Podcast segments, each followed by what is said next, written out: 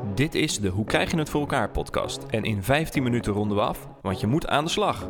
Ik ben Reinier Ladan en dit is een podcast over hoe mensen werk gedaan krijgen en de constante zoektocht naar het verbeteren ervan. Deze podcast wordt mede mogelijk gemaakt door Patreons. Wil je ook deze podcast een handje helpen en Patreon worden? Of wil je meer over deze podcast te weten komen? Check dan hoe krijg je het voor elkaar.nl. Even Daan bellen. Hey Renier, wat is er? Als je op je, op je iPhone, op je toetsenbord hard drukt, dan kun je de cursor verplaatsen. Wauw, ik probeer het nu en het werkt.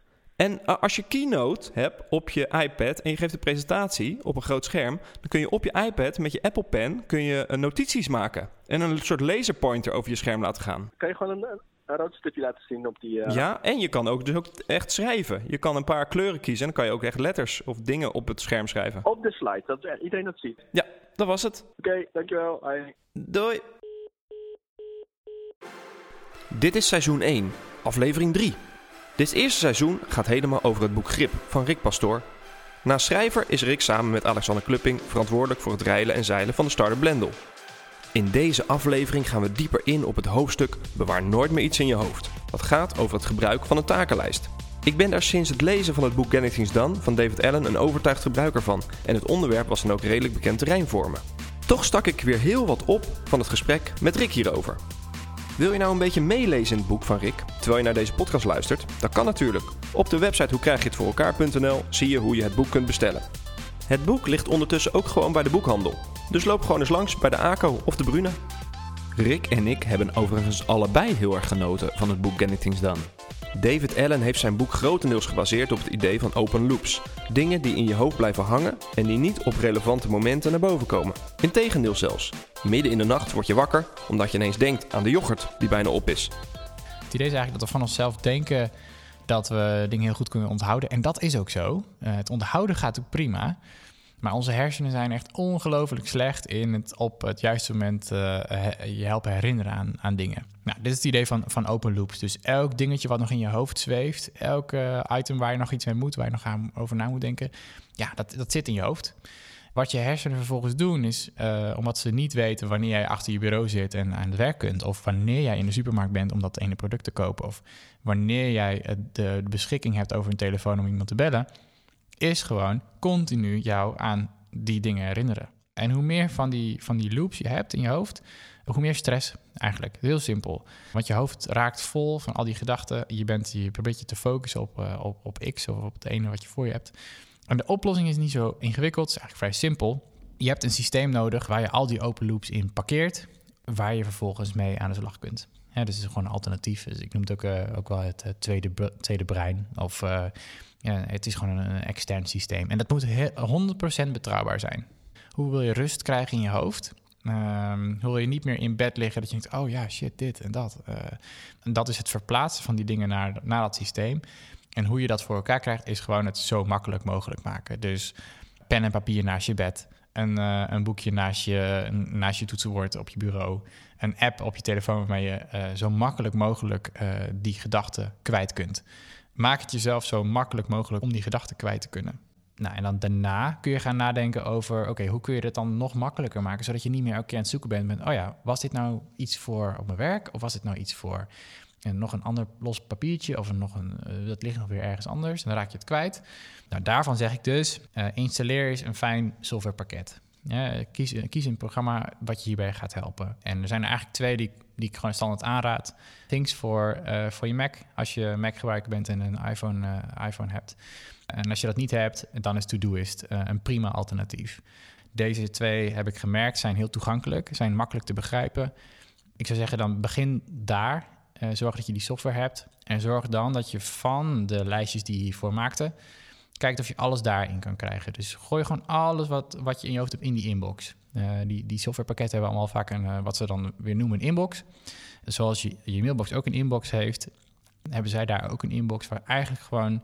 zij dus ook zeggen, dump hier maar in wat je wil... En dan gaan we daarna wel kijken hoe je dat dan vervolgens structureert. Maar dump er gewoon in wat je in je hoofd hebt.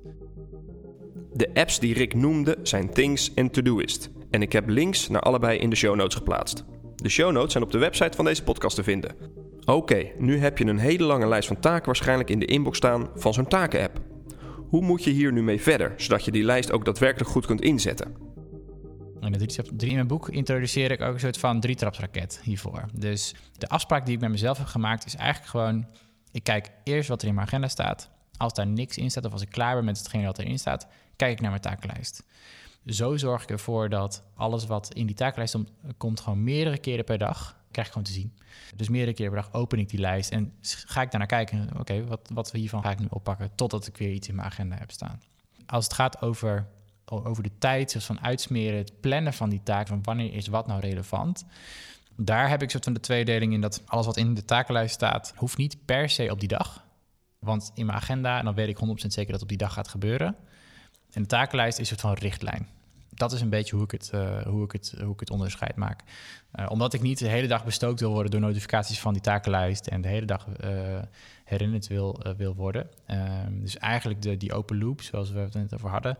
Ik zorg ervoor dat, dat daar gewoon een heel duidelijke splitsing in zit tussen uh, oké, uh, dit is een open loop. Ik moet voor morgen moet ik, uh, moet ik een document opleveren. Dan moet ik daar vandaag tijd voor maken in mijn agenda. Wat moet vandaag gebeuren? Is het iets anders? Weet je, dan parkeer ik het in mijn takenlijst. En dan komt het op die manier wel, wel aan de orde. Ik denk de grootste winst zit hem eigenlijk de, de volgende grote stap in hoe je dan dingen opschrijft. Ik heb heel erg gemerkt dat, en ik noem dat in mijn boek, van, van taak naar actie. Een taak is gewoon, uh, dat ik nu zou zeggen, autobanden of uh, podcast. Weet je wat, dat is niks. Dat is gewoon een woord. En ik, ik heb er wel, uh, waarschijnlijk weet ik wel wat, wat er moet gebeuren, maar ik heb het nog niet echt uitgewerkt. En ik denk dat de grootste winst die je daar kan, kan boeken is om jezelf aan te wennen om het uitwerken van wat je moet doen en het daadwerkelijk doen, dat je die van elkaar scheidt. Het is ook geen, geen rocket science, geen nieuw concept, maar ik zie wel dat het enorm verschil kan maken in of je daadwerkelijk aan je werk begint of niet. Dus inderdaad, als je kijkt naar die autobanden, ja, wat is dan daadwerkelijk het eerste stapje wat je moet doen? Dan uh, moet ik bedenken uh, waar ik ze ga halen. Oké, uh, hoe kom ik daar dan achter? Moet ik dan een vriend vragen? Oké, ik moet die en die vriend vragen. Waar haal jij altijd je mannen? Nou, dan is dat echt de actie. Dat kan ik nu doen. Dus als mensen zeggen, oké, ik heb nu die takenlijst. Ik heb nu alles uit mijn hoofd erin. Wat is dan de volgende stap die ik kan doen? Dan zeg ik eigenlijk altijd, hey, kijk eens naar hoe je dat dingen opschrijft. Kijk eens naar hoe je, hoe je het verwoordt. En wat het voordeel is, daarna heb je dus die lijst met die acties. En die kun je gewoon achter elkaar er doorheen rammen. Want je hoeft niet meer na te denken over, ja, wat ga ik nou precies doen? Je kunt gewoon gaan. Rick had het er al even over. In je takenlijst staat dan zoiets als winterbanden. Maar dat is geen taak en het helpt je niet om er een volgende stap mee te zetten. Het opsplitsen van zulke taken is echt een essentieel onderdeel van slimmer werken. Want tijdens dit opsplitsen kom je er pas achter wat er echt nodig is om dat doel te behalen. Bij winterbanden zou het kunnen zijn het uitzoeken van welke winterbanden je nodig hebt en het bellen van de garage voor het maken van een afspraak. En zelfs het uitzoeken van een geschikte tijd dat je naar de garage kan is een actie op zich, zodat je al informatie hebt voor je dat gaat bellen met de garage over wanneer je naar de garage wil. Eén is het, het beginnen is dan makkelijker. Maar twee is ook de, de obstakels identificeer je veel eerder. Want nou ja, je maakt het wel eens mee dat je dan, weet je, je moet een, je moet een rapport opleveren op vrijdag. Een verslag of iets. En je hebt informatie nodig. Maar op het moment dat jij gewoon hebt staan vrijdag rapport opleveren. Ik doe dit ook, ik probeer het in mijn agenda ook wel te doen. Dat het gewoon ook actionable is wat ik daar dan, wat ik dan ga doen. Kom je er misschien achter dat je eerst nog een collega moet vragen om input. Als je dat vrijdagochtend pas ziet, ben je gewoon uh, te laat. Dus uh, door juist die stappen al eerder door te gaan van hé, hey, wat, Oké, ik ga dat rapport schrijven. Wat moet ik dan doen om dat ding te gaan schrijven? Ik heb informatie nodig van Henk. Oké, Henk. Henk is vrijdag altijd afwezig. Uh, die is de rest van de week op vakantie. Ja, dat kan niet. Nou, dan weet je dat op maandag. Dus dan kun je, kun je een andere actie aan verbinden. Of hey, hij is er wel. Oké, ik moet eerst uh, Henk eens even vragen om mij te voorzien van input waarmee ik dat. Nou, dus zo kom je gewoon veel eerder achter die obstakels in plaats van dat je op vrijdag ineens uh, uh, achter het net vist. Een enorm lange lijst aan taken en acties gaat heel snel onoverzichtelijk worden. En dat zorgt voor een onhoudbaar systeem. Dit is natuurlijk niet zo heel ingewikkeld om op te lossen, want je kan die taken en acties groeperen, waardoor er meer overzicht ontstaat. Nou, de eerstvolgende stap die ik je zou aanraden is um, het indelen in projecten. Uh, er zijn een paar soort van speciale types projecten. Uh, op wie wacht ik uh, is er eentje. maar ik zeg ook eigenlijk altijd maak een, maak een ooit project. want op dit punt, als je dus echt al die acties erin zet en je hebt ze nog niet ingedeeld in projecten, ja, dan heb je zomaar ineens 100 acties. Dat hoeven er niet 100 te zijn, maar je, je hebt heel snel heel veel dingen die je eigenlijk moet doen. Variërend van dingen in je huis tot op je kantoor of whatever. De indeling maken tussen ooit en wat nu relevant is, maakt al waarschijnlijk dat je nou, misschien een kwart of misschien de helft van die dingen gewoon in één keer kan zeggen: Oké, dit is niet voor nu. Dit is gewoon voor, voor later. En, ooit definieer ik dan eigenlijk al een beetje als: is het deze maand? Weet je wel, dat mag best wel snel, gaat het bij mij gewoon uit beeld. En later komt dat wel weer terug. Dus je hebt dat ooit project waar je dan een hele hoop taken ingooit. Je hebt een, een wachten op project die je zou kunnen maken, omdat je eigenlijk gewoon uh, een beetje wil gaan tracken wat je aan andere mensen vraagt en waar je nog op wacht. Dat vond ik een uh, vrij briljant idee hè, toen ik het voor het eerst uh, hoorde. Van hey, als je iemand iets vraagt, heel vaak loopt het daarop mis. Want uh, je, vraagt iets, je stuurt een e-mail, het, komt in een of ander zwart gat terecht. En je hoort er vervolgens nooit meer van. Maar het is bij jou ook uit beeld. Zo kun je die, die, die, die, die takenlijst heel erg inzetten om gewoon scherper te zijn op de vragen die je stelt en daarmee ook betrouwbaarder wordt. Want een leidinggevende vraag je misschien om iets te doen en jij zet dat uit bij je team. Eh, als het bij jou uit beeld uh, raakt en je leidinggevende moet bij jou weer naar vragen, weet je, dat, dat doet gewoon iets met hoe, uh, hoe betrouwbaar je overkomt. Dus nou, dat, dat is een heel belangrijk, dat is een belangrijke set die je kan, kan maken. Nou, vervolgens um, moet het over projecten hebben. Um, dus ik zeg eigenlijk altijd: maak het zo simpel mogelijk. Liever twee projecten en de rest gewoon in één grote bak als dat voor jou werkt. Dan dat je alles nu al helemaal in allemaal projectjes. Want je weet al, over twee dagen denk je, ja, dit systeem zit me echt tot hier. Ik doe het voor het eerst en ik heb allemaal projecten en dingen ingewikkeld, moeilijk. Uh, dus doe dat dan niet. Ik zeg eigenlijk altijd, hey, je moet een project gaan inrichten voor iets waarvan je weet dat als de uh, als de laatste taak uh, gedaan is, een soort van reminder heb, te hebben om er opnieuw over na te denken. Dus dat is hoe, hoe ik het een beetje omgekeerd eigenlijk. En het voordeel daarvan is weer dat, dat als je geen projecten gebruikt, dan kan het zomaar zijn dat jij gewoon alle acties hebt gedaan, dat je nergens meer op wacht. Maar dat je gewoon niet hebt bedacht dat er een vervolgstap moet gebeuren, weet je wel. En dat zit er gewoon niet standaard. Ja, dat zit gewoon niet echt in ons systeem om dan na het afronden, weet ik, ik heb net een, ik heb dus niet verzonden naar iemand of ik heb iets afgemaakt om dan gelijk te denken, oké, wat is de volgende stap? Nou, dat project helpt je gewoon herinneren, want dan staat hij gewoon in je lijst en dan zie je hem staan en denk je, oh ja, hey, ik zie geen actie staan. Ik moet de volgende actie bedenken. Wat is de eerste volgende actie uh, die ik nu kan doen? Dus dat is, uh, dat is eigenlijk de, de, de vervolgstap, de projecten. Als je op dit punt bent en je hebt inderdaad die projecten op orde, ja, dan ben je echt verder dan 90% van de, van de mensheid. Als in gewoon het overzicht en de rust die het je geeft als je ziet welke projecten je waar je aan werkt en, uh, en, en, wat, wat de volgende actie is. Wat ik zelf dan nog doe, is er nog een stapje boven. Dat, is de, dat zijn de labels. Nou, met labels kun je eigenlijk zorgen dat je je taken nog uh, makkelijker kunt filteren op bijvoorbeeld de locatie, uh, of de context of de persoon met wie je bent. Het hangt helemaal vanaf waar je werkt. Maar ik kan me zomaar voorstellen dat als je een bepaald type collega hebt, een bepaalde collega of een leidinggever een manager of wie dan ook, die je geregeld moet spreken dat het heel fijn is om in je takenlijst in één keer te kunnen zeggen: Oké, ik filter op deze persoon. Uh, ik heb zo'n label voor Alexander. Als ik hem iets moet vragen, dan drop ik dat in die takenlijst. Ik hang zijn naam eraan. En op het moment dat ik hem zie, dan weet ik gewoon, en dat hoef ik vaak niet om de spot te doen, maar ik heb dan van tevoren al even gekeken: hey, welke drie dingen moet ik even met hem bespreken? Kan ik gewoon op zijn naam filteren?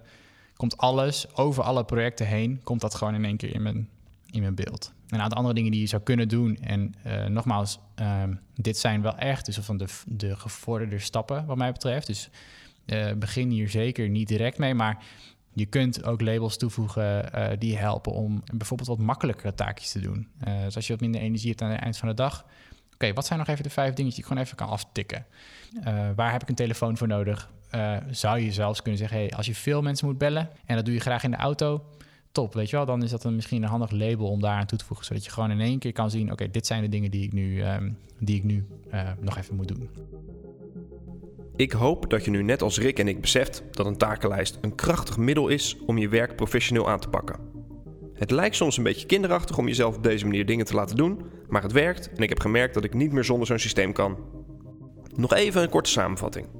Zet al je taken in een systeem dat je vertrouwt, Hou het plannen en het opsplitsen van je taken gescheiden van het daadwerkelijk doen van je taken, zodat je obstakels op tijd ziet aankomen.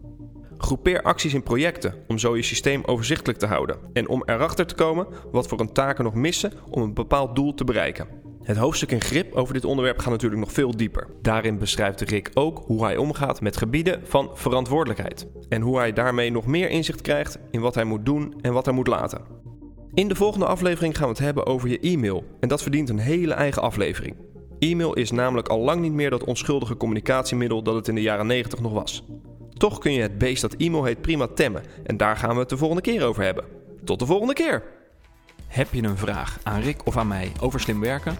Stel hem op hoe krijg je het voor elkaar.nl en misschien behandelen we je vraag in een van de volgende afleveringen.